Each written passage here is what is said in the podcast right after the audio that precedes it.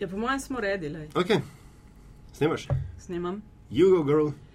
Spet še ena epizoda Metinega čaja, podcasta o medijih, o dobrih in slabih praksah, novih tehnologijah in trendih prihodnosti. Gosti v medijih delajo, z njimi živijo ali o njih razmišljajo, ali jaš. Uh, trudiva se dobiti tiste, ki res poznajo ozadje dogajanja ali pa spredje dogajanja. Torej, gostitelja sva Aljaš Pengal Bitenc, Radio Chaos in Nataša Briški, Metina Lista. Od začetka že tretjo sezono, dolgo, lepo ja. ustrajava. Tako. Tako je, še malo pa bo Razmerja- Kevin Spacey v House Tam. of Cards. Morava paziti do sedmega leta, sedmo leto je kritično.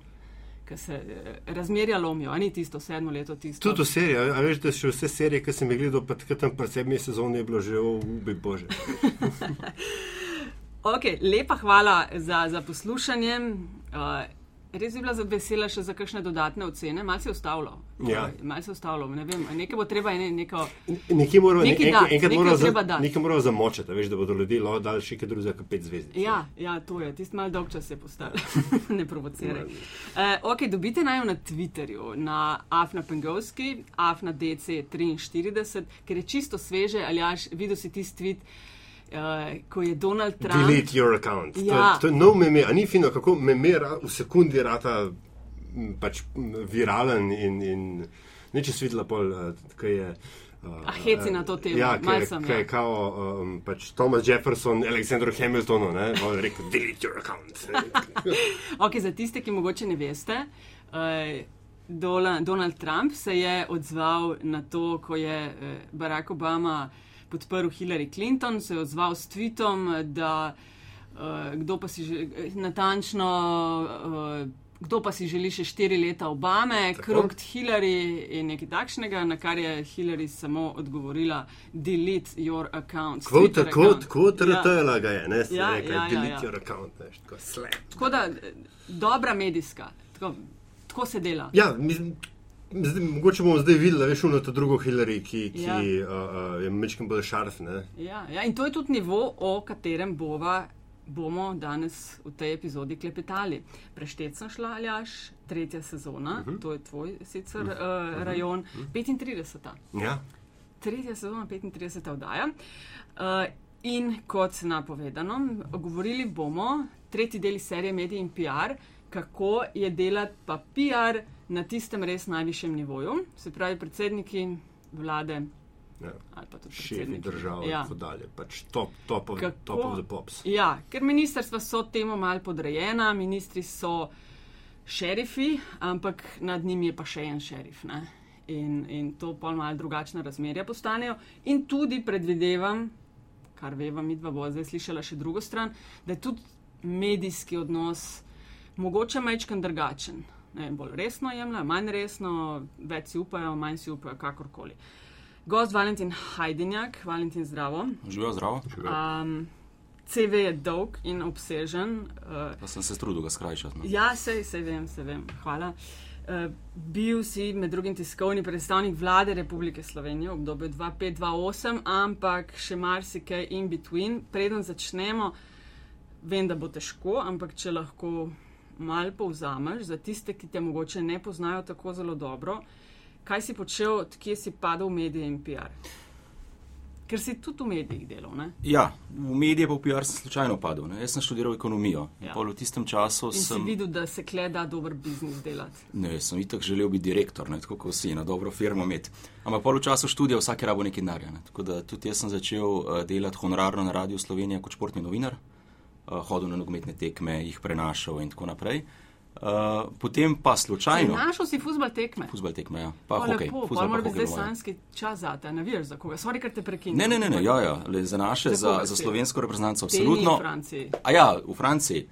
Hm, to je pa dobro, dobro vprašanje. Ne vem še. Ne vem Ha, še. če Če me vprašala za klub na evropski ravni, ja, poj Real. Sem pripadnik O, Reala. ne. lepo, sva že dva, Ronaldo. To, to. Ne. Za reprezentanco pa zdaj ne vem, sem odločil. Ne. Ok, A so ga še Nemci ali kakorkoli. Šele v 16. Uh, osmini finala, ne, tam. Ja, seveda, med unimi, ne. Ja, ja, normalno. No, tako da a, potem je pa pot zanesla v politiko in jaz sem rad tudi tiskovni predstavnik slovenskih krščanskih demokratov, kar sem delal, mislim, da šest let. Potem sem šel z takratnim predsednikom vlade Andrejem Bojukom na vlado, kjer sem bil v kabinetu predsednika vlade, njegov tiskovni predstavnik. Uh, potem pa ja, nazaj v medije, urednik informativnega programa na Radio Antena, pa takrat smo pripravljali novice še za druge radijske postaje, ko so bile v skopu Infonet mreže.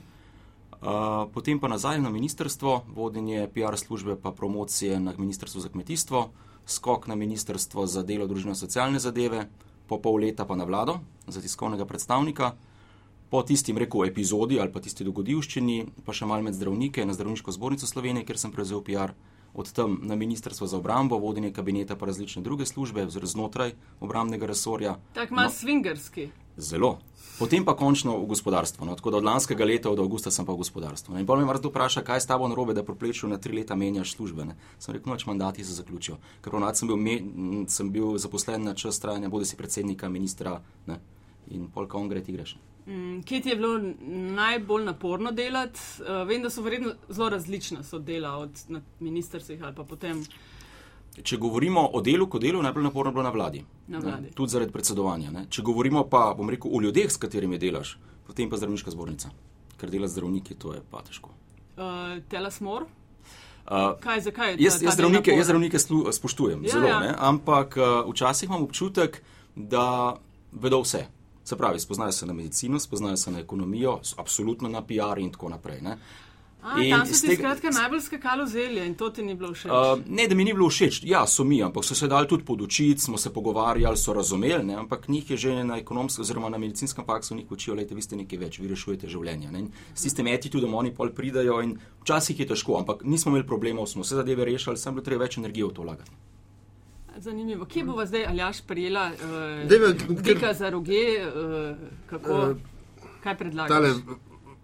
Vladni PR oziroma te funkcije, ne, a, tiskovni predstavnik vlade oziroma predstavnik za stike z mediji, ne, kako se temu reče, imamo, imeli smo, veliko krat smo imeli tiskovnega predstavnika vlade, pa tiskovnega predstavnika premijeja, pa direktorja vladnega urada za komuniciranje. Ne. Zdaj, ja. včasih je bila to ena oseba, včasih ste bile dve, včasih tri, včasih se je zdelo, da ne vem, vsi to delajo. Ti bi si še port parola želel, ne? Jaz si, mislim, jaz si želim osebo, ki bi imela na vizitki glasno govornik. Ne, veš, tako, Eh, ampak, uh, če lahko mogoče mečken poveš, vse razumem, da gre, da gre uh, velikrat tudi za samo konstelacijo znotraj vlade, včasih je še odločitev politična, ampak kako je bilo to v tistih časih, ko si bil ti tam gor in zakaj?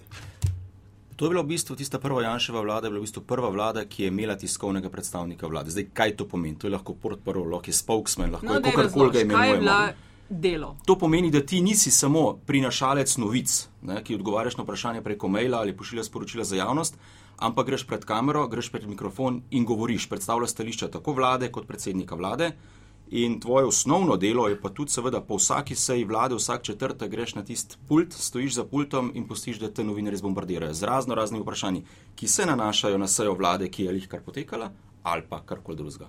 Skratka, ti si tam, da govoriš, da predstavljaš stališča. In tega prej ni bilo, ne v prejšnjih mandatih. Bili so direktori urada za, za najprej informiranje, pa urad za komuniciranje ki so sicer bili moderatorji novinarskih konferenc, niso pa v tem smislu predstavljali, Sebinci. govorili ali morda celo sami nastopali na novinarski konferenci, ne, kar se je rekel, v mojem mandatu začel. Potem so želeli to vleči tudi naprej, vlada Boruta Pahora je želela to nadaljevati, mene Pahor povabil, da ostanem pri njemu tiskovni predstavnik, ampak se pač za to nisem odločil. Uh, in ker ga ni najdu, je bolj ali manj sam to delo upravljal, sam kot predsednik vlade, kar je pa slabo. No, mogo, mogoče ra, ravno to, no, da, uh, ker je velikrat pa mogoče ne to na primerski ravni, ki vendarle na neki točki in pol jasno rata, ne, da prevelik exposure ni dober, ne, ampak slovenska politika vopče se rada, vidi, se rada gleda, se rada gleda na, na televiziji. Če je kaj lepega, če so lepe zgodbe. Tako. Ja, ja. A, ampak kakšna bi morala biti funkcija ne, glasno govornika, da imamo temu reči? A, a, a, a si se ti videl tam kot, ne, ne, kot middleman, kot, kot um, umestnik, kot buffer zone ne, med, med tvojim šefom in, in mediji. Kaj si ti tam počel? Ja, pogosto, ker jaz sem zastopal stališče, da mora biti predsednik vlade redka dobrina. Ne? Kar pomeni, da se ne pojavlja vsak dan v medijih ali pa na novinarskih konferencah, da je izjave, ampak se pojavi takrat, ko ima nekaj zapovedati. In takrat, ko nekaj pove, je to nekaj udarnega in ljudje pri tem, ali pa ljudje, novinari temu prisluhnejo in rečejo, opa, to je pa bilo. Ne? Če se ti pojavljaš vsak dan, potem to pač zadeva zbledi. Zato, smo, zato je bila moja ideja ta, da ok, predsednika vlade dajmo na, na pranger ali pa na novinarsko konferenco, ko nekaj ima ostale zadeve pokrivajo bodi si minister, bodi si tiskovni predstavnik vlade, ki zadeve pojasnjuje in tako naprej. Ne. Potem je bilo vrsta novinarskih vprašanj, pa, pa tudi predsedniš, ne, ali je to bolj, da na to odgovori tiskovni predstavnik, ali pa res taka kritična zadeva, taka vsebinska, da mora na to odgovarjati predsednik vlade. Jaz sem si zmer za zgled dajal rekel, ameriško politiko z tega PR-ovskega vidika. Ne. Tiskovnega predstavnika Bele hiše gre na novinarsko konferenco, govori, govori, govori v imenu predsednika. Imáš tiskovnega predstavnika State Departmenta podobno. In jaz sem to nek tak način rekel, uh, delovanja probo upela tudi pri nas. Sam težko je narediti preskok čez noč ali pa narediti preskok v enem letu. Ne. Ja, ampak to je, to je dejansko je ameriški način. Ne. Tam je PR-ovc, ni moderator tiskovnih ja. konferenc, ni uh, tisti, ki v košarci prenese tri stvari za prebrati, ampak je vse more vedeti. Vsebinsko priti mač, kaj se dogaja in kaj hočejo zares povedati. Zdaj, ki si rekel, da ste se pre, presojali, kdo bo kaj rekel. Ok, PV je redko, ne? zaradi tega, ker želimo, da imajo ljudje ta feeling, da pa se on pojavi, je. je pa res treba ja. prisluhniti. Ponavadi je tudi tako, da je dober PR, zasluge dobijo vem, ministri, predsedniki. Ne? Kaj je slab, faše, uh, pač. PR-ovc, to je normalno. PR-ovc. Uh, kakšno ste imeli politiko, ki je bila bad news, recimo, kdo ste vedeli, da je bo prinesel, sporočil. So bili ministri ali si to ti bil? Uh, odvisno od primera do primera. Zdaj, če se je zadeva nanašala striktno na nek ministerski resor, potem jo je komentiral minister ali pa jo je predstavljal minister. Če so mene, bom rekel, novinarje napadli kot tiskovnega predstavnika vlade, sem morda dal neko splošno informacijo, ampak rekel podrobnosti bo spregovoril minister. Ne? Ker tiskovnega predstavnika vlade ljudje povežejo, dobro, z vlado, ja, ampak neposredno s predsednikom vlade. Absolutno, in okolikor ti ja. to komentiraš, leti na predsednika vlade. Zato bom rekel, je tudi znotraj vlade bil tak dogovor, da če je res neka slaba novica, preloži na ministra. Ne? Mhm. Naj se znajde ja, on ja, ali, ne, njegov, to... ali njegov ali njegov PR-ovc. Kolikor je pa dobro, pa, pa seveda ne hočeš čim več zaslug ja. potegniti na se in seveda ne pozabiš tudi na ministra, ampak ne? prvi ti komentiraš, potem pa rečeš podrobnosti, bo pa, bo pa minister. Ja, a je bilo kdaj, ki so, pa okay, ne samo bednovice, ampak da, so, da je bil pritisk medijev takšen, da so hoteli pač enega ministra in je minister rekel, ne bom jaz tega, potem pa je Befel prišel iz enega nadstropja više, gremo vrsto ti boš pred mikrofonom. Zdaj, verjetno je bila, se ne spomnim tega primera, je pa en podoben primer, pa ne bom povedal, kjer je minister, ker niti ni to pomembno, ampak v medijih se je vrtela neka zgodba, neka slaba zgodba za ministerstvo in smo se s predsednikom se pogovarjali, treba nekaj narediti. Ne. Minister se ni oglašal na to temo, sem rekel, lej, jaz sem ga poklical, sem rekel, lej, minister, moraš iti na novinarsko konferenco, obrazloži, demantiraj, pojasni.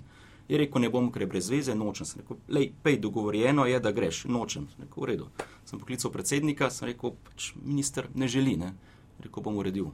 Čez deset minut me kliče minister nazaj, ne. Rekel, ja, a se jim je mogo izdati. Sem rekel, ja, lej. Ne? A bo šel na novinarsko? Je rekel, seveda bom šel, bom pojasnil. Dejansko je potem šel. Ne?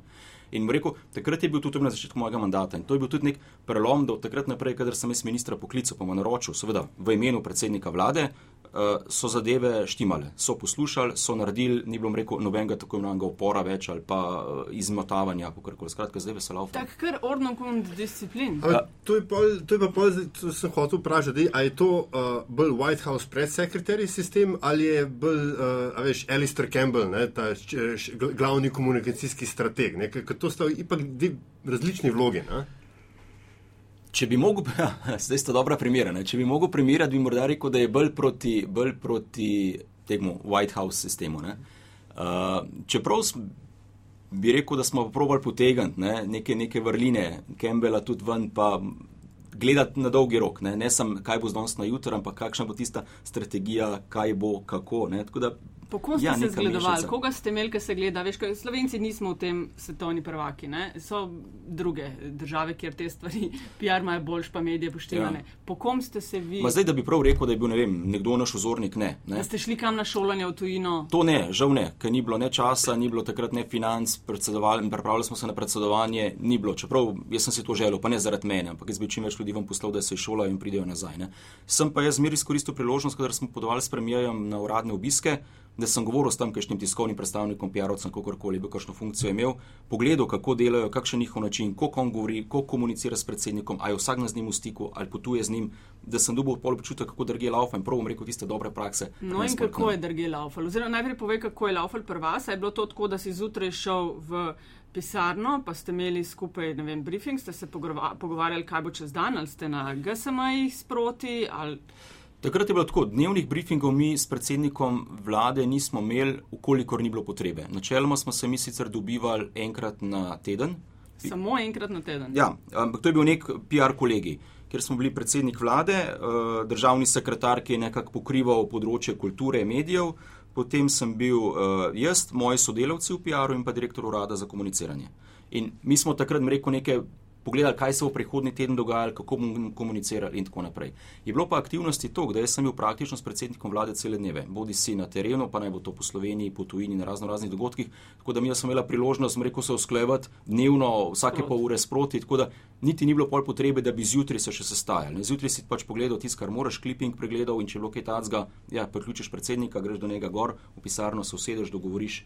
Ne. Da bi pa mu rekel, prav uredno zjutraj uh, zadeva laufala, pa, pa ne. No, pa ki si govoril z drugimi, da se vrnemo zdaj k temu, kakšne so bile izkušnje, kaj so ti pripovedovali, kakšne načine dela so imeli tvoji kolegi, ki so delali za tuje uh, državnike. Večina je sicer imela neke jutranje kolegije, da so skupaj spili kavo, prebrali, prebrali medije oziroma pogledali kliping, pogledali, na kaj se je treba odzvati, kaj bo ti zdan ali mogoče še, še za en dan naprej. Tako da ja, večina je to imela. In tudi jaz, ki sem bil recimo šef kabineta na uh, ministrstvih, sem uvedel to prakso, da na kolegijih sodelujejo tudi PR-ovci ali pa na teh ka, jutranjih kavah, če se le da, da so bili PR-ovci zraven, ker za me so bili pač en pomembnejših členov ministrstva, da so bili pač vsem obveščeni in da smo se zjutraj pogovorili, kaj in kako bomo delali in na kaj se treba zvati, na kaj treba paziti.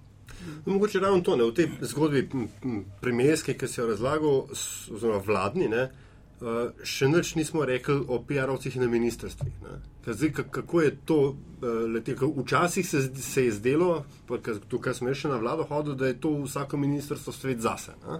Velikrat je to. Uh, ja, včasih, ampak neka, neka, nek nivo koordinacije pa vse mora biti. Ne, ne samo takrat, kadar je slabo. Ja, zdaj, strogo formalno je šef PR-ovca na ministrstvu, je minister. Ne? Strogo formalno. Smo pa mi v tistem času našem ustanovili koordinacijo za odnose z javnostmi, ki, vo, ki jo je vodil tiskovni predstavnik vlade, njegov namestnik je bil uh, direktor urada za komuniciranje. Notor v tej koordinaciji, kot člani so bili pa vsi PR-ovci po ministrstvih. In namen tega je bil, da smo se mi dobivali, da je bilo to enkrat na teden, bilo enkrat na 14 dni, in usklejevali določene zadeve, kako bomo komunicirali zadeve, ki presegajo eno ministrstvo, se pravi, ki so širše. Poleg tega sem pa pol uvedel tudi, rekel, take ad hoc koordinacije. Takrat je bil primer, da smo imeli, imeli prašičev ali ptičev gripa, ena gripa je bila. No.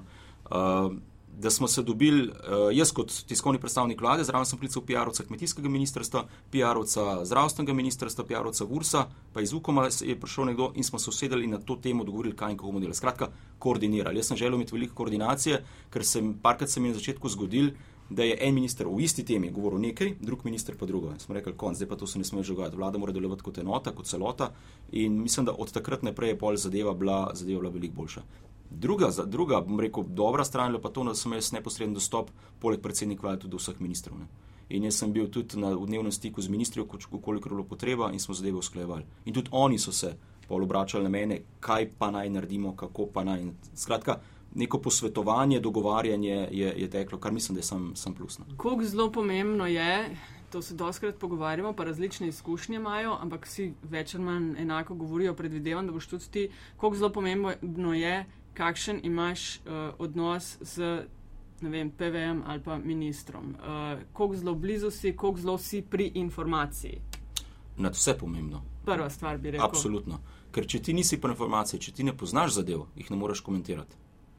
In zato sem jaz pač od vseh, bom rekel, svojih delodajalcev, kjer sem delal kot PR, zahteval, da, sem, da imam neomejen dostop, bodi si do ministra, do predsednika vlade, kadarkoli. Čakaj, okay, ampak kar rečeš, da, da si zahteval neomejen dostop, to si jim mogel povedati, pa razložiti, kaj to pomeni neomejen dostop, da kadar pokličeš, dvignejo. Tako. Že na začetku, ko se dogovarja za službo, ne, to je bil eden od mojih pogojev, če sem hotel okay. profesionalno upravljati to delo, da kadarkoli pokličem, je pač dosegljiv, dobro, če ni pokličen nazaj, ampak kadarkoli ga lahko pokličem, lahko sem na vseh sestankih zraven, lahko hodim z njim po, po tujini, po Sloveniji, skratka, no limit, kar se tega tiče. In da uh, z njegove strani ni nekih skrivnosti, ker je problem, če ti on nekaj ne pove, pa se pa to v medijih pojavi, ti moraš pa pol zadevo rešiti. Ne gre. Tako da, to je, Recimo, da nam primer. A si imel kakšen tak primer? uh, Kaj je bilo nekaj, pa nisi vedel, ali pa si mogoče z zamudo izvedel? Bilo je, ko sem bil na kmetijskem ministrstvu, je minister šel, je minister šel nekam v tujino, pa meni ni povedal, da gre, oziroma takrat je rekel celo, da bo doma bil tisti vikend, pa je šel v tujino, pa se je v časopisu pojavil, da je Kaj bil. šel shopping ali kaj? Ne, šel je neki privat, je šel, ampak so ga pol videli. Uh, tam so ga slučajno ga eno od slovenskih novinarjev videl in uh, pa je bil problem, ne? ker so me ene novinarji klicali, kaj pa tam počne, ne sem rekel, kako se on je doma. Ne? Uh, tako da pa sva imela, bom rekel, z ministrom dokaj, dokaj resen pogovor na to temo naslednje jutro, pol naslednji ponedeljek, ne? ker me zadeva v časopisu, rekel, da pač ko se tako težko delamo PR. Ne? Prav, PR-ovc, kot ga ti vidiš, ne, je neke vrste varuška svojega šefa. Uh, ja, ampak bom rekel tako, v njegovo dobro. ja, ja, ne. ja, no, sej. A, viš, ta je dobra, to si dobro omenil, varuška. Koliko daleč greš pri tem, ker se spomnim, no, da vidimo, če boš se sam spomnil enega momenta. Uh, Kako daleč grem, odvisno Pri od tem, da ščitiš svojega šefa. ne. Uh, pogovor, mislim, ene zgodbe se spomnim kolegica Ja. ja. z Pop TV-ja. Mislim, da se je dogajalo na Brdu, je imel Janša neko zadevo in seveda, ko je končal, so novinari skočili za njim uh, z mikrofoni, ampak pač včasih ti to paše in pustiš, včasih pa ne. In enkrat si tako mal s telesom zaščitil ga, da je novinarka konkretno padla po tleh. Se spomniš tega? Da sem jaz, da sem jaz to naredil, tega se ne spomnim. Lej, Ja. morda, morda, Ni pa bilo kamer, to si pa imel srečo. Morda um, ampak sem se si- si- sigurno upravičil, pol, če bo kaj tazga. Uh, to Ne vem, to vidiš, se, se lej, niti ne spomnim. Ampak, zdaj, koliko deleč grem, ne? seveda je odvisno tudi od tvojega šefa. Ne? Ali je bolj odprt, ali je bolj zaprt, pa če reče, ne bom dal izjave, ne bom dal izjave, moš pač narediti vse, da do izjave ne pride. ej, si se mogel kdaj prerivati. To mi pade, veš, ta od eh, ne Hillary, uh, Trumpov, Kori Levandovski, ja, ne? ja. No, en tak primer si imel, sam da je bilo še mal hujš. Um, ne, ne, če pustiva zdaj ta primer, ki si ga omenila. Uh, ne, ker jaz sem imel z novinarji tak odnos, da uh, če sem rekel, da izjave ne bo, izjave ni bilo in potem se ni bilo treba privati. Zdaj govorijo o novinarjih, ki so dnevno spremljali predsednika vlade, ne o nekih novinarjih, ki so bili morda na nekem regionalnem, lokalnem mediju, ki, s katerimi se niti nismo poznali. Uh, mene so ponovadi pred dogodki vprašali, bo dal PV izjavo, ja, bo dal, v redu, ne, ne bo dal, potem so vedeli, da pač zadeve ne bo, da izjave ne bo, jaz sem se zraven tam postavil in ni bilo, ni bilo prerivanja. Tu, če je bila, bom rekel, zadeva še tako uh, uh, Ampak napeta, kdaj ste se vmes mogoče zmislili, pa ste pol vsem rekli, ajde pa temu damo izjavo. izjavo ne? Ne, pri meni ne. Aha. Pri meni ne, zato ker tega nisem. Ker Če sem jaz rekel, ne bo dal predsednik vlade zdaj, pa je pa dal, pa sem jaz v čudni luči izpadel. Ne. Se je pa dogajalo, da parkrat pa jaz recimo nisem šel, na vse dogodke, dogodke pa res ne moreš hoditi, ne, pa jaz nisem šel, so šli pa moji sodelavci. Uh, se je pa zgodil, da so ga vprašali, ali bo premijer dal izjavo. Je rekel, ne, ne bo je dal. Ne. Potem je pa predsednik prišel ven, so pa oni kljub temu skočili na njega, se pravi, mimo PR-ovca in pa je bila slaba volja. Ne slaba volja je bila pri sodelavcu mojem, ki ga niso poslušali, pri novinarjih, ki so na koncu skoraj izjavo dobili, čeprav on rekel ne. Najbolj pa besen predsednik vlade, ne? če rekel, ne bom dal izjave, zakaj novinarji zdaj skačijo k meni. Da, Ker je bil besen, je to zgledal kako, recimo. uh, ko Janez Janša, ko Janez. Janša beš, besen, um, tiho je. Tiho je pa s takim prodirljivim, pronicljivim pogledom te pogleda, da je hujš kot. Da vse priznaš, ali kaj tako. Ne, priznaš ne, ampak je hujš, kot če bi te nadaril ali pa zlasovno. Ni, on se on ni povzdignil glasu, nikoli. Ne. On imaš zmeraj, ima pač bom rekel, na, na istem nivoju glas, samo če kaj je bilo kaj narobe, je bil tisti pogled, da ti je pa ne, sego nekam in seveda, ups, da sem pa nekaj zajel. A moraš ti kdaj koga, pa si moral kdaj koga nad- nadreti, recimo? ne? Ko si, re- recimo, ko je bilo treba disciplinirati ministra ali pa. Ne, jaz nisem tak, da bi nadiral. Ne, imaš tako mehek pristop? Ne, jaz sem zoporen, znam biti aroganten, ne? sam da bi pa nadiral, pa ne, ti smo jim morali pa res plafon odnesti. ne. Tako da to nikoli ni bilo treba. Ne? Uh, saj spomnim se, ne, ministra ne, ne. ti sem imel, kljub temu sem imel neko spoštovanje do njih. Ne? Uh, študiram zdaj, če bi bil kakšen novinar, ampak tudi do novinarjev ne, tako da sem pa velikrat ustrajal. Ne? Pa sem rekel, da si zoporen, pa zležen. Ja, sem ustrajal, če sem pač nekaj rekel, tako bo in se nisem dal premakniti. Si imel, kakš... Sorry, Aljoš. Kaj si imel kakšne vaši, naši, moji, tvoji novinarje? Raj sem imel novinarke, kot novinarje. No? Ampak šalo na stran. Ne, Dajmo jo, ja.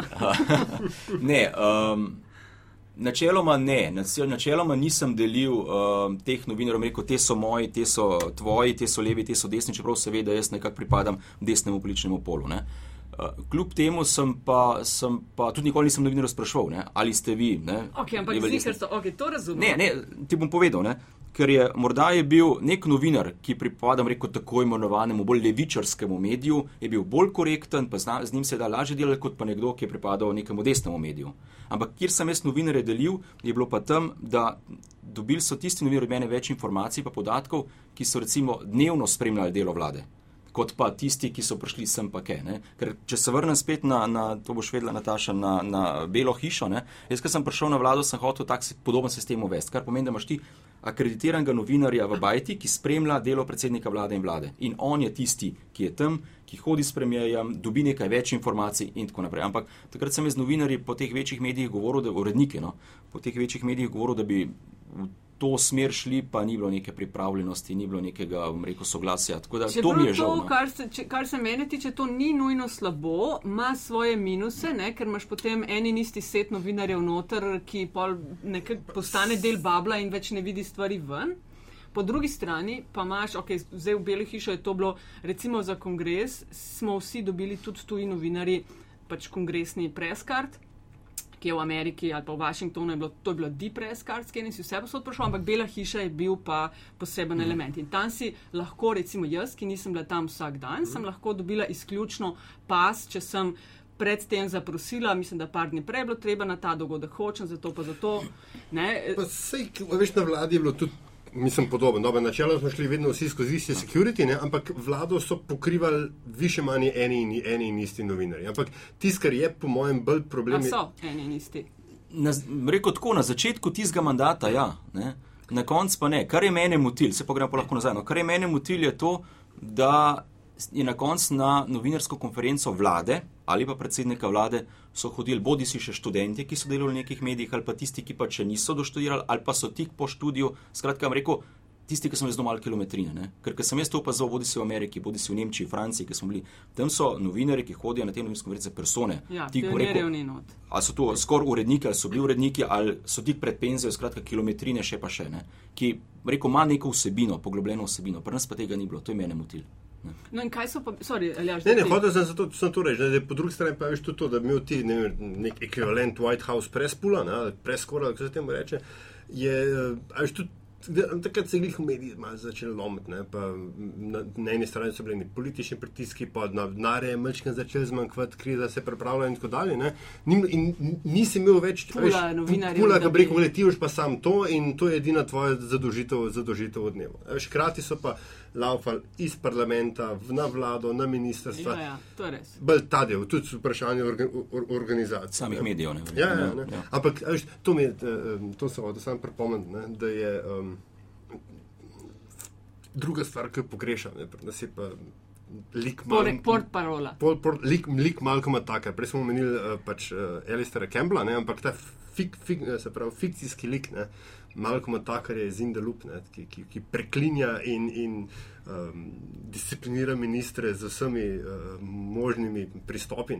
Indelup je krasen ja, film. Vključno vključ z, z pač, um, bullyingom. To, to. Ta, to, ja. to mi manjka. No, To sem hotela preprašati, ker si rekel, da si se pogovarjal z uredniki teh medijskih hiš. Kaj so bili njihovi zadržki? So bili to, kar je Aljaš rekel, da pač nimajo novinarjev, ki bi jih lahko dezignirali samo za to? Večinoma je bil problem organizacije znotraj mm. medija. Ja. Da ni novinarjev, pa da nimajo specialiste, da nimajo novinarjev, ki bi bil specialist za širšo tematiko. Ne?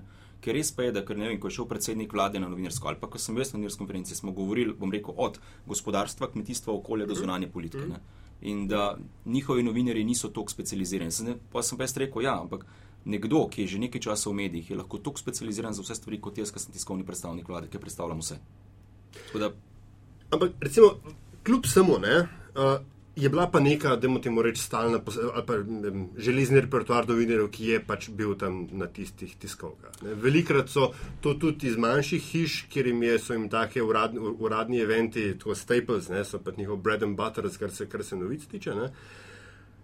A se je v tvojem času tam se je naredil nekaj, recimo, so se zgodili še neformalni dogovori. Veš, da, da, da, so, da so oni, ne glede na to, da, da so nastavili, da, da so se vzpostavili, da so se vzpostavila pravila obnašanja, ker ni bilo treba več uh, vsakmu razlagati, da so mogoče vedeli, kdaj kaj vpraša, pa kdaj ne vpraša, da, bilo, da, da so bili preveč pridni. No.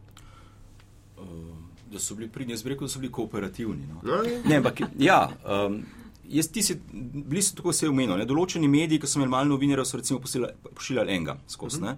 So bili pa malo, recimo, ne vem, časopisi, televizije, ne si pa, ki si imel določeno temo, naj bo zunanja politika, si točno vedel, kje bojo prišli. Proračun, si vedel, kje bojo prišli. Tako da ja, te so bili, rekel, po teh področjih tudi stalnica. Ne? In s tistimi smo bili, bom rekel, tako. Tudi dnevno v stiku, povezani. Jaz sem točno vedel, a bojo kaj vprašali, ki so prišli, a so slabe volje, so dobre volje, a imajo kaj za bregom, a bojo kaj špikali, kaj kako si to vedel? A veš, da vidiš, ko pride novinar, ne, pa, ti, pa se ti nasmeji ali pa malo tako te čuden pogleda, malo. znaš po tolkem času oceniti. Nekateri so bili celo taki, mu rekel, tako prijazni, ker so želeli dobiti verodostojen odgovor, da so me prej poklicali in rekli, to pa to pa to te bom vprašal, priskrbi odgovor. Ne. Aha, so Tako ti da vnaprej povedali. So mi naprej povedali, ampak je šlo recimo za zadevo, ki ni bila na seji vlade. Kljub temu, da je bila novinarska po seji vlade in jaz sem se pač bodi si pre ministru, predsedniku, kjer druge pozanimal, da sem lahko tam dal verodostojno informacijo.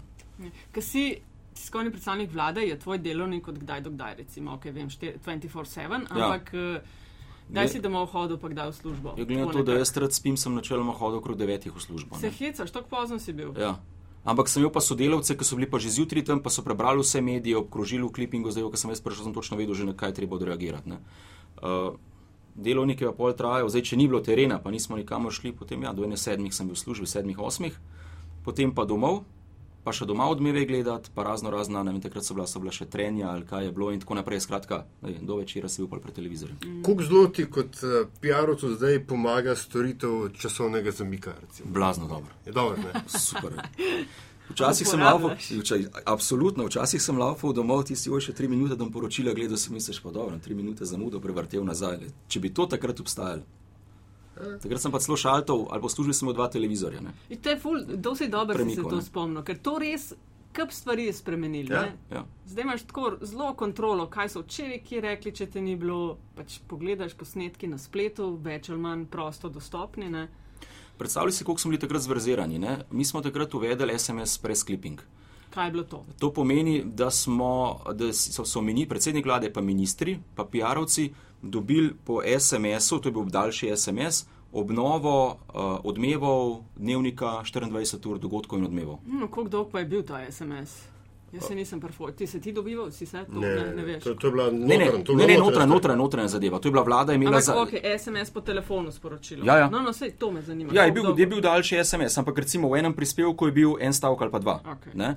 Ampak smisel tega je bilo, da ti, ki nisi gledal, recimo, če predsednik ali minister ni gledal, da je videl, kaj je bila, kaj je bila tema. ne. Kaj, in si že, če si hotel, si šel pogledat. ne. To je dobra finta. To smo uvedli, no, ampak kaj sem hotel reči? Mi smo bili že tako zverzerani, ko govorimo o časovnem zamiku, takrat ga ni bilo, da jaz, ki sem nekaj časa to delal, sem hkrati gledal na enem televizorju, sem gledal in nacionalko in 24 ur. Mm. Preklapljal in sem oboje vedel, kaj se dogaja, oboje sproti pisal in pol poslal. Ko mogo si jo poslati v roku pol ure po končani vdaji. ne. Ja, ja, ja. To ti je prišlo prav, recimo, bi se to bil v tujini, ker nisi vedel, si sam prebral, kaj je bilo v poročilih TRR, ma se je treba na kaj odzvati ali ne. In če te polke podrobno zanimali, se ne vem, poklical PR-ovca na ukom, dajte mi ne vem, posnetek, magnetogram.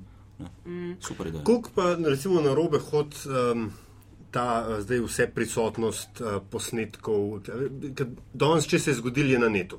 Ne? Ja. Pred kaj je to, 12, 12 leti, ne? so bile te stvari še dosti bolj analogne. ne. Do- Do, danes od svoje napačne izjave skoraj ne moreš več pobegniti. Ja, takrat je bilo tega zelo malo. Takrat je mu rekel Urino le, ledino oral Denis Arkič Vest. Ne. Ja. On je bil s tisto kamero povsod. Včasih je bil že krmal, smo ga mogli že malo ne, na distanco imeti. Uh, tako da, če si takrat na njega pazil, pol je bilo v redu. ne. Um, ja, danes si pa predstavljam, da je pa to, da je pa to čist drugačne. Vsak ima lahko svoj eh, pametni telefon, vsak ima lahko kamero, vsak ima lahko to in dejansko moš bolj paziti, kaj poveš, kako poveš. Ne. ja. Kako pa vi gledate, kot ti kot PR-ovc, ne, uh, gledaš na taktiko um, mikrofona v naročju, ki je še vedno prižgan? Iz tega ne odobravam. No, reden, kaj rečeš svojim šefom? Mislim, ker še vedno po vseh teh letih, ne, ki je očitno, kaj se dogaja, še vedno folk pade na to fora. Uh, ja, to je res. Ne ve se pa tudi približan, kjera, kjera uredništva to počnejo. Ne. Tako da tam si, tam si mal bolj pazljiv, tako da jaz sem zmeraj pozoril pol na zadnje, no, ker je bil- to en večjih kejsov, ne, da se, oziroma se je to dogajalo. Sem bil na obrambi, da pač ministra zraven nisem spustil ali pa se niso pogovarjali, dokler pač novinar mikrofona ni odložil. Čeprav bom rekel, je grdo, ne, ampak tiskaj ga ima pod pazduho, veš, da obstaja velika verjetnost, da je, da je pržgan, ampak dobro, če tega ne bi objavil, ni problema. Ne. Ker se pa to pogosto noter v prispevku objavlja. On pa tega ne pove, da ima prežganga. Ne? Je pa to za me malo, bom rekel, ali to etično, moralno sporno, ali nasprotno z novinarskim kodeksom, kako koli to vzameš. Ne? Podobno je, kad te kliče novinar po telefonu, pa te snema. Pa pol zadeva objavi, brez da bi tebe kakorkoli vprašal, obvestil. A pa vprašaš, reagiraš avtomatsko, ker to veš, vprašaš takoj, ko pokličajo, ali snemate. Zdaj, odvisno od katerega novinarja je, hmm. do kjer novinar te pokliče. Recimo, vem, mi smo z, z določenimi novinarji, pa novinarkami, sem zelo dobro sodeloval, ko so bile v delali za časopise. Ne? In tiskate po telefonu, sprašuje, jaz sem vedel, da ona snema. Ne? Ampak ona je snemala zato, da je lahko potem, da se ni pisala in je pol lahko napisala članek. Ne? Druga zadeva pa je, če pa to dejansko posnamejo, ne vem, radio, televizija in potem to, da je tako, kot je objavijo. Pa si imel kak tak primer? Sem imel. Povej, se, povej. A kanal. No, ampak svet, kaj je bilo? Svet na, svet, na, svet na kanalu A. Uh, pelal sem se, celo v avtu sem še bil, nekam sem se pelal in me je klicala ena novinarka, me je klicala in ne vem že, kaj je bila zdaj ena tema. Mi se pogovarjava čisto off the record, saj jaz sem tako mislil, da je. Ne?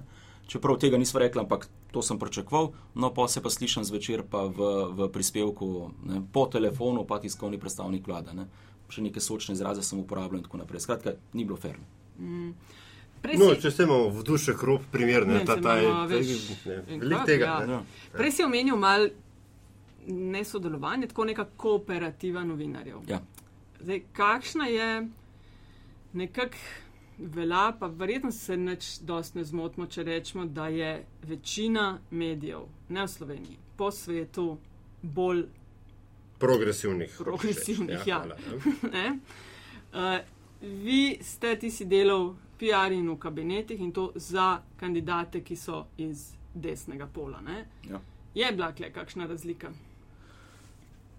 Mogoče je bilo to, da je. Prej si sicer rekel, ja, da, ja. iz, da, ne iz reporterja, da, iz de, da je bilo teže včasih za desnimi, čeprav kleleti malo težko verjamem. Ne, ne, ne veš, v katerem smislu? Ne? V tem smislu, da so bile pričakovanja nekaterih novinarjev v desnih, tako imenovanih desnih medijih, da bodo seveda dobili več informacij, pa boljše informacije od desne vlade, kot pa, nek, kot pa nekle v mediji. Ne? Ja. Zdaj, ja, morda sem pa kdaj, sem to ni bil moj splošen ozorc. Sem rekel, tebe bom pa zdaj preferiral, zato ker si desen, tebe, ker si pa lev, pa ne. ne. Sam, zakaj ne? Ker oni bi pa vsem boljš pisali o vas. Uh, ti pa hočeš dober PR. Ja, ampak jaz hočem, da je dober PR, pa da se dobro piše tudi v levih medijih. Jaz mislim, da se je treba pol zunim, bom rekel, ki je lev, pa nikaj tvoj nasprotnik, ne, ki mogoče ja, drugače razmišlja, da, da je ja. treba zunim več delati, pa mu več dati, več v njega vlagati, da bo približen napisal tako dober, kot napiše nek, bom rekel, desen medij. Mm. Zato sem se morda jaz včasih bolj posvečal tistim, ne, pa jih probal, bodi si spodbuja, da ja, da ja dodatne informacije in tako naprej. Sem pol prišel na neko raven članka, ki sem pa rekel, ok, sekle so pa korektni. Mm. Predvsem sem si pa odmenil željo to, ne da so provladni ampak da so korektni. Če je treba vlado pohvaliti, jo pohvali, če jo je treba pa skritizirati, jo pa skritizira. Sem skritiziran v osnovi nekih realnih dejstev, dogodkov, na podlagi tega, če se ni naredila, kaj je naredila narobe, ne pa kar neka splošna kritika. Te, to je meni včasih zelo bolje. Dobro, ampak tvoj šef je. Uh, ima ta precejšen laven hate, ne tvoj šef danes, ne takrat. Takratni, ja. ja. ja. Uh, kar precejšen ta, neč lav, ampak bolj hate relationship ja. z mediji. Uh, Aj klen ni klesva. Vam, mislim, ok, se opisuješ, pa zakaj mislim, da vam je vsem teže delati enako? Ker so posledice ravnanj vlade, ki je smatrana za desno. Um, ne vem, da jih drugač prespospremi. No? Da bo eno in isto potezo, ki jo bo lahko naredil desen predsednik vlade, pres drugače odpeljal med ljudi, kot ko bo to, to isto naredil. To, to se strinjam. Če vzameš primer, aktualen primer, ne vem, vlada, kadrovanje, nadzorniki NLB, če bi se to zgodilo recimo v času vlade Jana Zajanša, to bi bil pogrom. In še nekaj takih primerov je. Ne. Zdaj, zakaj? Ne vem. Ampak le grejo zadeve lepo mimo. Se tudi pri Pahori vladi so določene zadeve šle mimo, so ga napadali, ja, se tudi CRR je napadali, ne. kritično ocenjevali novinari. Ampak se mi zdi, da če bi bil desni predsednik vlade, bi bilo to veliko hujše. Je pa, ne, smo imeli pa takrat, je bilo s takratnim premijem, smo imeli kar nekaj debat, no, jaz pač nisem bil na tej strani, ampak šef je šef, ne, mu rekel ta hate relationship, relationship do, do novinarjev. Ne, jaz pač mnenja, da v boju proti medijem, proti novinarjem ne moreš zmagati. Ne. In jaz sem se pač probal tega izogibati, kolikor se je dal pač z njimi sodelovati. Zdaj, kaznuješ ga lahko edin tako, da mu daš manj informacij. Ne. ne, da ga ignoriraš, ampak mu daš manj, manj ali pa manj kasneje. Uh, da imaš pa vojno z njim, ne? to pa do zdaj se še nikjer ni izkazalo, da, da lahko zmagaš. Razen morda v kakšnem res totalitarnem Trump. sistemu in tako Trump. naprej. Trump zmaguje, le trešira medije skozi. No, ampak, Že, ampak tisti- tu- tukaj gre, veš, tudi za to. Ne, Vem, ja, vem. pač, ampak imaš pa, to, on sodeluje z njimi, dela z njimi, jih Ja. ne ignorira. Ne? To je, a veš, Ja, ja. No, ampak vse, v končni fazi, sam, uh, uh, tudi začetki 2-4, tudi tvoj predhodnik se mu je pač zgodila dosti velika narodnost. Veš, Kar povejmo, a Ja. celo zgodbo, povedati, kaj se je zgodilo. Po, da, dej ti. Ja, zgodila se je pač ne, en mail. Ne. Se pravi, Kar povejmo, mail je bil? tiskrat, takratni tiskovni predstavnik je poslal tiskovnim predstavnikom po ministrstvih navodilo, naj ne komunicirajo z mladino. Ne. Zdaj, strogo formalno je mu rekel tako navodilo v nasprotju z zakonom, ker zakon o medijih pravi, da morajo javne inštitucije komunicirati z mediji, so dolžne in tako naprej. In tako naprej. Skratka, ti ne smeš tega preprečevati in zaradi tega je po strani medijev velik pritisk, ne, tudi strani Društva novinarjev Slovenije in tako naprej, da je bilo pač, da je uh, Jrnej Pavlin, ki je sicer moj dober prijatelj, takrat potegnil edino logično potezo, da je odstopil z tega mesta. Odstopil ali je mu bilo svetovano.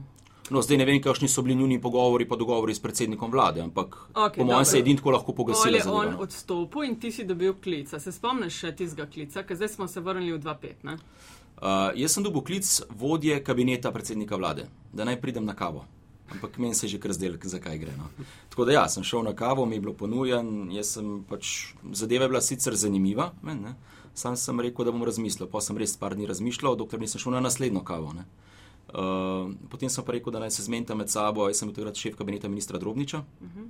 Sem rekel, naj se minister in predsednik vlade zmenta, ne? ker jaz sem svojemu ministru, ki je bil takrat moj šef, omenil, da morda bi pa šel, ker me kliče in da če ne grem, ne vem, če bo to v redu. Ne? Uh, Drob je bil minister, je bil blazno nezadovoljen, s tem, ker je bil zadovoljen z mojim delom, ni hotel, da grem. Ne sem rekel, zdaj se pa vidva zmenta. Tako kot se boste zmenila, tam bom ostal. No. Zmagal je predsednik vlade.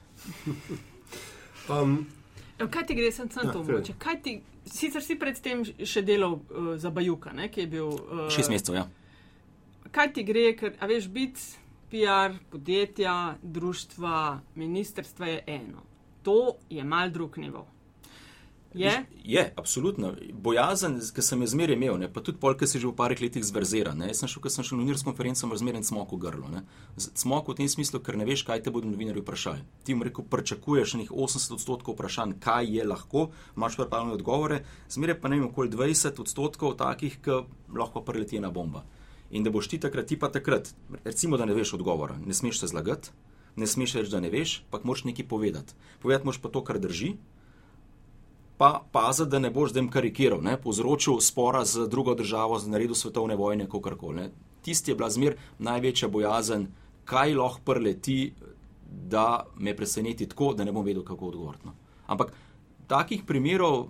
Pa mislim da, mislim, da je bilo zelo, zelo malo, pa še takrat sem se pol uspešno zvil. Da... Kaj si, ki si pri sebi delal, si takrat pluse za tjajet, ok, pa ne sem to, to bilo mogoče slabo za me, če bom Janši rekel ne. Ampak kaj so bili plusi, ki si rekel, zakaj bi šel to delati? Tiskovni predstavnik vlade, ki veš pač točno to, kar zdaj govoriš, da bojo vprašanja, na kjer mogoče noš vedel, da boš več v medijih, da bojo bolj stresno, bolj naporno. Uh, ja, delati na kabinetu predsednika vlade je nekaj tako, ne, bolj privlačnega, atraktivnega, kot delati v kabinetu ministra za delo, družino in socialne zadeve. Ja. To je bila prva zadeva. Ne. Uh, jaz sem takrat posredno z, z Janezom Janšo že delal leta 2000. 2000, ko sem bil pri Bajuku, on je bil pa kot minister, tako da rekel, delno sva se, delno, sva se poznala, vedela, kako zadeve funkcionirajo. Uh, Klej sem vedel, kar je bilo pri meni tudi všečno, da je kar veliko potovanj. Ne. Pa ne na zadnje je pa pač si nekdo, ki si znotraj kolesa, ki ne tem, ne rekel, da v nečem odločaš, ne, ampak si del nečesa. Uh, Se na terenu vidi, da gre predsednik vlade, pa vem, da je odgovor ja, da ko pride predsednik vlade, je tako malo rdeča preproga, pa vsi vrsti stojijo mirno. No, rdeča preproga je na protokolarnih zadevah, reč pa ja, ja. ja. Je, Ker je tam prej mirno. protokol in zadeve pošlihta, Ja. tako kot mora biti. Ja. To sem hotel preprašati. Pač, um, Janša in takratna vlada in odnos z mediji na stran, ne? ampak a je pri slovenskih novinarjih, po tvoji oceni, z, v odnosu do najvišjih predstavnikov države, je nek, nek um, no, zelo grdo rekel, uh, refleks branjenja lika in dela.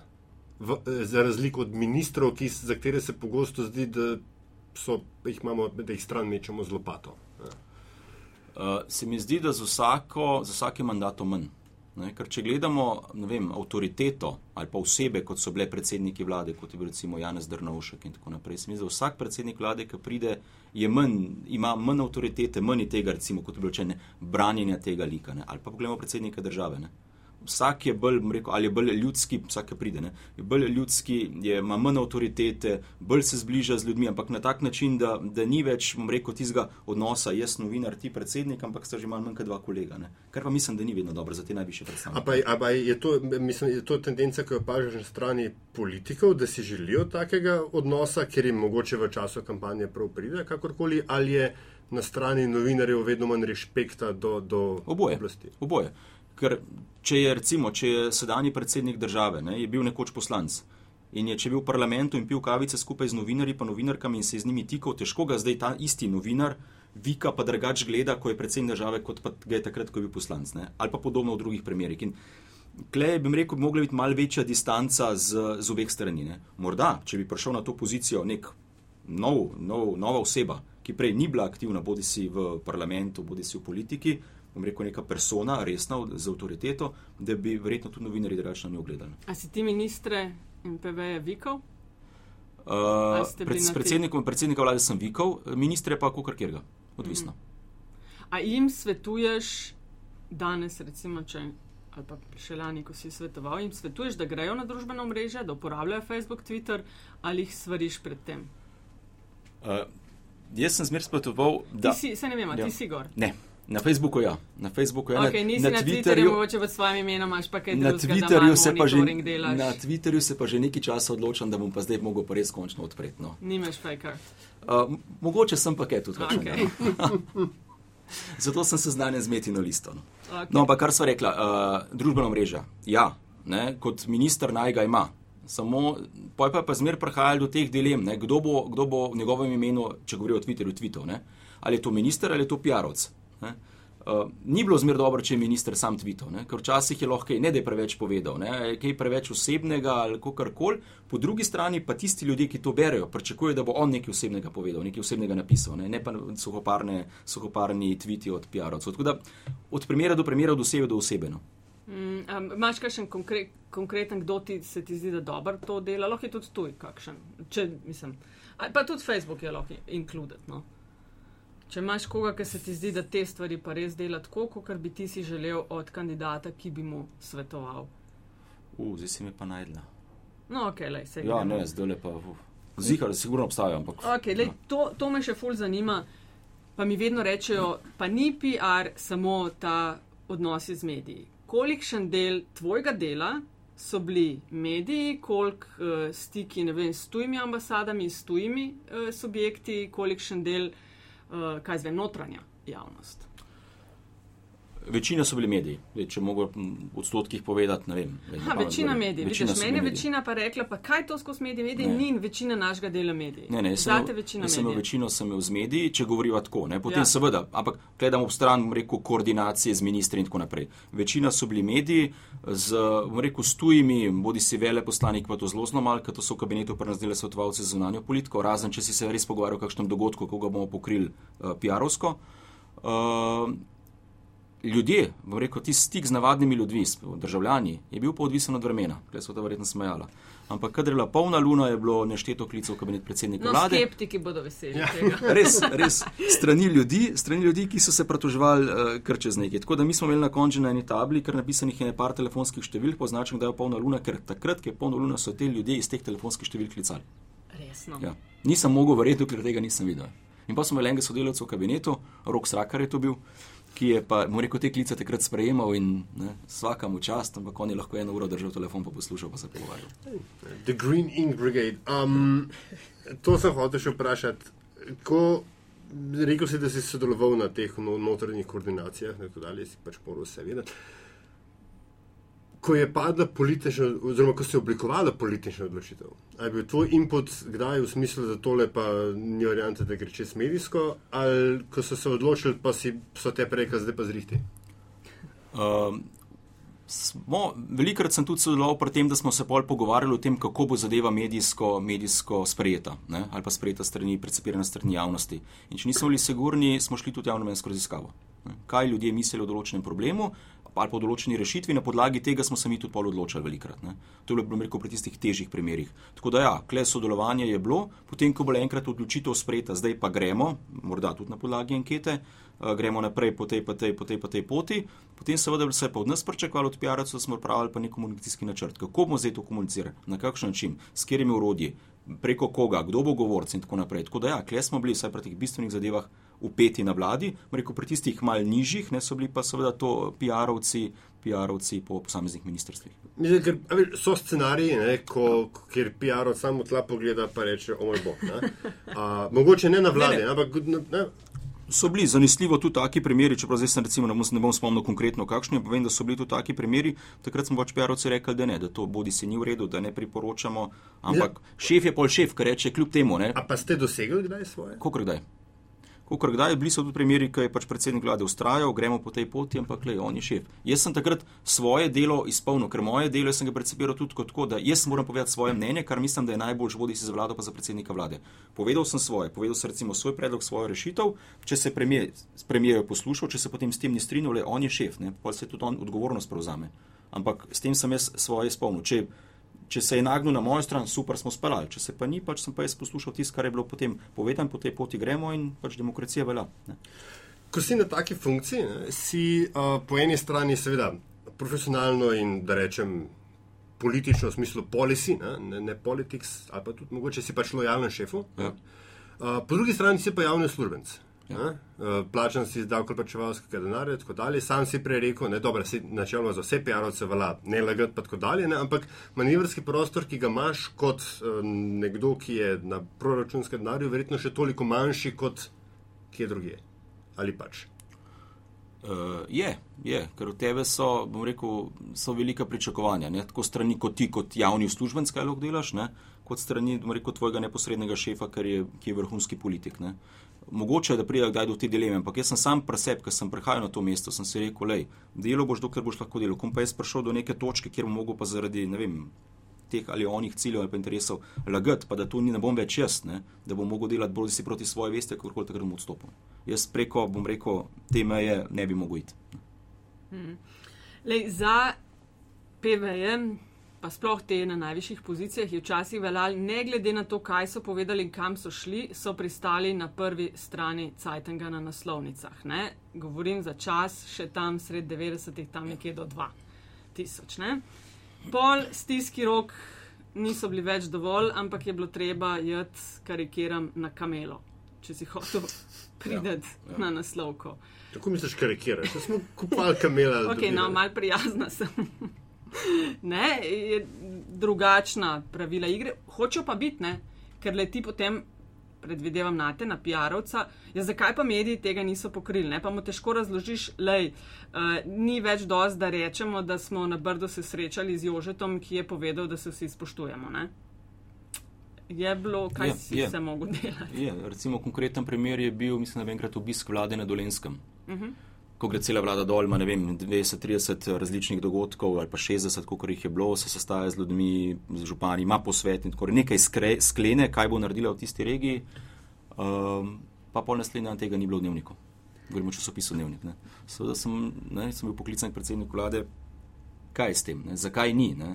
Jaz sem klical pol takrat uh, odgovornega urednika, ampak da ne bo zvenel kot pritisk, jaz sem se spoznala, poznala z Mironom Lesem, ko sem vprašal, zakaj ni, ne, kaj. Ja, nam se ni zdelo pomembno. Ne. Tako da smo prišli do tega, da ko gre cela vlada z vsemi ministri, z vsem ustrojem nekam v neko regijo, pa recimo, da išče neke rešitve, morda nekatere najde, naredi, ne, poda nekaj obljub, ampak s določenim medijem pač to več ni bilo dovolj, kot si rekla. Ne. Bi mogli biti neki, tista kamela zraven. ne. Ja. Uh, tako da takrat smo pa začeli razmišljati, kaj pa res narediti, da bo pa še, bom rekel, tisti preskok, da bo medije pritegnili, da bodo o tem pisali. Sam, rekel, te čarobne formule mi takrat nismo znašli. No. Ampak a se ti zgodi, ker si na taki funkciji, se, ve- se vedno tako malo, ne, materin, spet niso pisali, ne, ali pa ne, neki pač, druge stvari se ti zdijo pomembne, ker seveda gledaš, gledaš svoje, svojega vidika. Ne. Uh, pa se pa oblast zamenja, ne, gledaš od zunaj, pa se to, to drugim zgodi isto. A si misliš, razumem vas, trpite ali je šlek šlek korenček? No, ja, oboje. Ne? oboje ne? Jaz sem bil slab, izredno slabe volje, ker sem kdaj kakšen članek prebral ali pa gledal prispevek po televiziji. Ne? Pa je bilo, rekel, niso bili noter tisti poudarki, ki sem si jaz kot tiskovni predstavnik zamislil, da bi mogli biti o nekem dogodku, o nekem problemu. Ne? Sem rekel, lej, pa, a novinar ne razume. Pa se smo mu vse dali in tako naprej. Ne? Jaz sem včasih tudi novinare poklical, ampak govorim spet o tistih novinarjih, s katerimi smo bili v stiku, malo manj kot kolegi in tako naprej. Sem rekel, lej, zakaj. Ne? In pa smo ugotavljali, ali ni razumel, ali se, njem, ali se njem, njim ni zdelo pomembno to, kar se nam zdi pomembno. Ne? To je bilo velikrat. Ne? Tako da ja, je prihajalo do tega in vem, da, da, se to, da to se dogaja pred nami in se dogaja tudi danes. Um, zdaj, a si pol ne boš šljiv ali nisi ne boš šljiv. Ne? Včasih si misliš, ok, ne? zdaj, ko gledam, ko sem mečkan ven z te, rekel, te PR-ovske politike ali pa z vlade ven. Ne? Si pa mislim, jaz kot bralec bi tudi včasih, krat, ali pa kot gledalec televizije, bi tudi včasih vedel malo več podrobnosti o posameznih zadevah, ki jih pa morda mediji ne prenesejo. In kle sem jaz danes kritičen do medijev, da sploh do, do elektronskih medijev, ne? Uh, da politike praktično v medijih ni več. Ne? Če ne govorimo o nekih aferah, ki se dogajajo. Ne? Ni. Mm. Po drugi strani pa to ravno baš, svež pristop, ne, recimo, veš, k, k danes dobiti cajteng, oziroma to, da imamo zdaj končne cajtenge, kjer ni nujno vedno politika na, na prvi strani, ne, ampak še ne šport, znanost, slabo, ja. kulturo, karkoli, ne, je mečken, vse mečken prve tri. Lej, to, to se strinjam, ne, sam, če ti primerjaš, recimo, če gledaš, ne vem, BBC, CDF, uh, France Van Catra ali pa gledaš, ne vem, CNN, ne, politika je enoto, politika je del tvojega življenja, kako koli obrneš. Ja, ampak govorim o politiki, ki ne tisti strankarski politiki, govorim o vladi, o ministrstvih, kaj je bilo narejenega, kaj ni bilo narejenega. Mene to še zmeraj zanima in verjamem, da je kar neki, ena velika, veliko število ljudi, ki jih to zanima. Sem, ali, ni, zdaj, ali ni ti možnosti, ali kako koli, klej pravim, sem jaz bodi si kritičen ali pa žalosten no, do medijskega prostora kot takega. Jaz se ne spomnim, ker je Janša prišel v Washington, si bil ti z njim? Ne, takrat ne. ne. ne. Uh, ok, ampak vsem boš pa mogoče imel to izkušnjo. Kako je to, ko cesto sprazanijo zate, pa se pelješ no, v avto? Tu... Mislim, ok, ne zate, za PV, ampak ti sediš recimo zraven njega. Ne? To ni bil sam Washington, kamorkoli smo šli na no, uradne obiske, se je to dogajalo. Ja. Tam vem, da temu, a veš, američani. To temu še malo večjo dramo delajo iz ja. tega. Ne? Tako da, ko predsednikova motorkada gre, veš, in, in si zelo slikajo. Ne, zdaj, mislim, kako si človek, ki se rad voži z lučkami. Ne. Nekateri smo Hiter se. se da prideti, ne? Absolutno, pa ne zamujaš. Ne. Se to je v bistvu tudi zato. Ja, dobro, eno je tisti varnostni vidik, drugo je pa to, da ne zamujaš. Ne. Ampak recimo primer smo bili na japonskem, pa smo se pelali z hotela nekam na nek dogodek. Tam Japonci imajo poseben način te, bom rekel, uh, uh, te kolone policijske. Ne. In v prvem avtu je bil, je bil uh, policist, ki je na sedežu stal pa skozi strešno okno ven gledal, imel tako belo čelado in pojmel pa mikrofon. In je pač lepo upozoril po japonski, se pa so mi tam meni pravajali, spoštovani vem, prebivalci, prosim, če se omaknete, vozi se predsednik slovenske vlade. Japončke, enim je bilo vse glih, eni so bili živčni, enim ni bilo prav, ker so se mogli tam umikati, pa nismo norelni, smo se lepo mimpali. Sem si predstavljal, kako je bilo to lepo v Sloveniji, da bi to razlagali. Vodi se predsednik hrvaške vlade, avstrijski predsednik, omaknite se, prosim. Ne. To je tih, tista njihova kultura, čez drug način delovanja. Ja. Lej, še to povej, pa se pa enkrat ta zgodba neha. Ne? Ja. Pol, od trenutka, ko stojijo ljudje v vrsti, od trenutka, ko vidijo, da se kliče iz pisarne PV-ja, eh, stojijo mirno in dvignejo, pride trenutek, ko se stvari obrnejo in je ja. kralj nekdo drug. Pa moraš nazaj na urbano mat. Kako to zgleda? Ta trenutek pride naslednji dan po volitvah, ki izgubiš. Niti ne pomenjavi vlade, ne? že naslednji dan po izgubljenih volitvah. Uh, s tem, da moj odnos po volitvah se z novinarji ni ukladil, mi smo naprej delali, ker smo se že to poznali, sem pa jaz to začutil pri direktorjih podjetij. Ker mi smo se recimo z direktorji podjetij veliko poznali, ker je takrat Janša uvedel to, da kamor smo šli na uradni obisk, smo direktorje savpelali, ne, prav gospodarstvenike, da smo delali pač to gospodarsko promocijo in tako naprej. In tam veš na avionu, ki letiš, se spoznaš vse, ne, imaš njihove telefone, smo se velikrat slišali gor pa dol. Meni sem pol probo, mislim, da dva dni po volitvah, ki smo jih izgubili, poklicali ne tri direktorje, meni se ni oglasil. Zakaj si jih klical? Pogled, vprašal bi jih, kaj pa kako, pa probo okay. sem, prav zanimalo me je to, a se bojo oglasili na njihove mobitele so se oglašale tajnice, da direktor trenutno ni dosegljiv. Na isti mobitel, ki so se prej direktori skozi oglašali. Tako da, klepol, vidiš tisto percepcijo enega gospodarstvenika, da se zdaj ste itak zgubili, zdaj te ne rabim več. Ne? Dokler smo bili na oblasti, so bili vsi servilni, vsi prijazni, potem pa. Je težko pol iskati, ker si vsem dobiš neko etiketo, da si pa od tega in tega. Tež, Ja. job najdete. Ja. Je. To mene še zmeraj spremlja. Kamorkoli kamorkol sem šel, je bilo, aha, se ti si pa Janšo. Sem rekel, le, jaz sem delal za Janšo, za Bajuka, za Pogačnika iz LDS, je bil takrat za Buta, ki je bil SLS, za Petrleta, ki je bil SKD, skratka, skoraj za vse. Ne, ne, ne, ne ti si Janšo. Tako da ja, je problem. Okay. Kljub- Zdaj kljub- si safe. Zdaj sem, zdaj sem safe. Ja. Kljub temu, recimo, no, kar pa spoštujem, pa to spoštujem pa v tem smislu pa Boruta Pahorja, ki je pa takrat, kljub temu, da sem bil jaz tako imenovan Janšov, ne, je pa rekel, lej, a bi ostal še ti pri meni in delal. Ne. Tako da, le- klepa, kar se tega tiče. Pa, Drugač pa pravi že naslednji dan, hladen tuš. ja. Ampak kaj pa, kaj pa ta, a veš, oseben del? Ne? Za politike, ki, sploh, ki so dolgo časa na oblasti, pravijo, da imajo težavo z resocializacijo, ker je treba plačati, ker gotovijo, da pač je treba imeti denar v žepu, ker ne vejo, kako se dva, denar z bankomata dvigne. Ne? Ti pa kar naenkrat nimaš več 24-7 urnika. Super. Ja? Najprej sem šel na dopust. Ampak najbolj mi je pa pasalo to, ker ko si ti tiskovni predstavnik vlade, pa si vsak četrtek tiskovki, pa na televiziji, ne ti ljudje poznajo, hočeš nočeš. Ne? In zdaj ti v miru, težko v miru spiješ, ne vem, dol pa mačka eno pivo, ker tam po stran te gleda, aha, se ta je pa un, ne pa kamorkoli greš, se ta Čakaj, je si pa ti un. Ljubljančan, Ja? Si? ja, ja, ne. uh, tako da. Polk je bilo konc te epizode, po kakšnem letu, letu pa pol se je zadeva umirila, da greš lahko zdaj mirno ven na pivo s kolegi, počneš tudi kakšne neumnosti in te ne, boj, ne boš takoj prepoznan kot, aha, se ta je pa un. Ker on te je Janš. Prosti, zdaj si me spomnil, zdaj pa ti meni razloži. Jaz sem bil dolg časa DJ v Katisarku. Ja. A za koga vraga je Katisark bil preferirana destinacija najprej, da rečem, mladih eh, desnih politikov in potem kasneje eh, oblasti? Uh, to ne vem. Nekaj Sem pa, sem pa jaz uh, rad hodil v ta lokal, pa še vedno. Ja, ja, se ne, saj zdi super, simpatičen, ampak uh,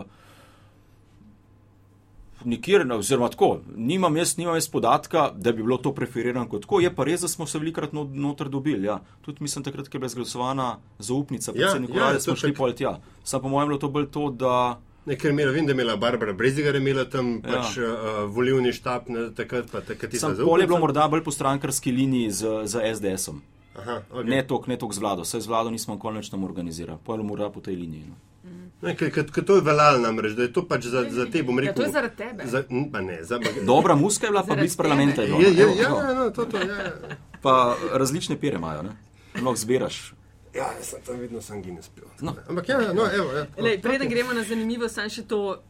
Pole Janša dobil še en mandat in uh, če imam prave informacije, je spet tebe klical. Zakaj nisi šel Klicala me je šefica kabineta, ja, spet, ja. Um, odločil sem se, da ne, zato ker to je hudičevo naporna služba, ne? 24 ur na dan smo rekli. In jaz sem že prej obljubil takratnemu ministru Hojsu, da bom šel k njemu za šefa kabineta. Tako da uh, pol, sem, pol sem pač tehto in sem rekel, da bom to rundo šel še na obrambni sistem, še tega malo spoznati, pa pogledati. Je pa še ga kamor bi rad šel. Ma zaenkrat dosti ni ostal, ne? Ja, zaenkrat sem eh, kar zadovoljen, pa rekel srečen v gospodarstvu. Ne bi šel v tujino, kaj. Ne, to me pa nikoli ni vlekel. Potovati, ja, da bi pa kaj delal v tujini, no, ali pa kakšen Bruselj, to meni. Sem hodil velik tja, ne, ampak ne, enkrat je klele, mi je kar všeč, tako da Mm. upam, da v gospodarstvu še nekaj naredimo. Rjavčeva ti še ostane, ne? Tam- drugo, A ja, ja, ja, že- no, le, ja. Never say never, pravijo. No. Pejmo k zanimivosti, ne? čeprav uh, zelo lepa ti hvala za vse, kar si povedal, ker meni je bilo blazno, blazno vse zanimivo. No? Uh, ampak na koncu vsakega gosta vprašava in gostjo eno in isto vprašanje, da z nami deli ali kakšno zgodbo, ali kakšno podrobnost iz karijere, ali pa mogoče čist nekaj X, kar ga zanima v življenju, pa ve mogoče nekaj in ocenjuješ, da bi znal naše občinstvo zanimati. Jaz Ja. sem veliko zanimivega povedala, ampak ajde. Dve, dve zadevi imam, no, pa bom probo skrajšati. Ena zadeva je eh, mor- morda bolj žalostna, ena je pa bolj, bolj vesela. No, pa boj se nanaša na čas, ko sem bil tiskovni predstavnik vlade. Prva je julij 2008, mi smo imeli v Vili podrožnik vlada, kot vlada oziroma ministr in predsednik vlade, smo imeli neko srečanje po uspešno upravljenem predsedovanju Slovenije Evropske unije, ko nas je dosegla tista vez, da je prišlo do tragedije na Blanci kjer je 13 mrtvih, kjer je bilo 13 mrtvih na Savi. Ne. Mi smo seveda takrat takoj prekinili tisto praznovanje, plik začeli smo, ne. nek piknik je bil, ne.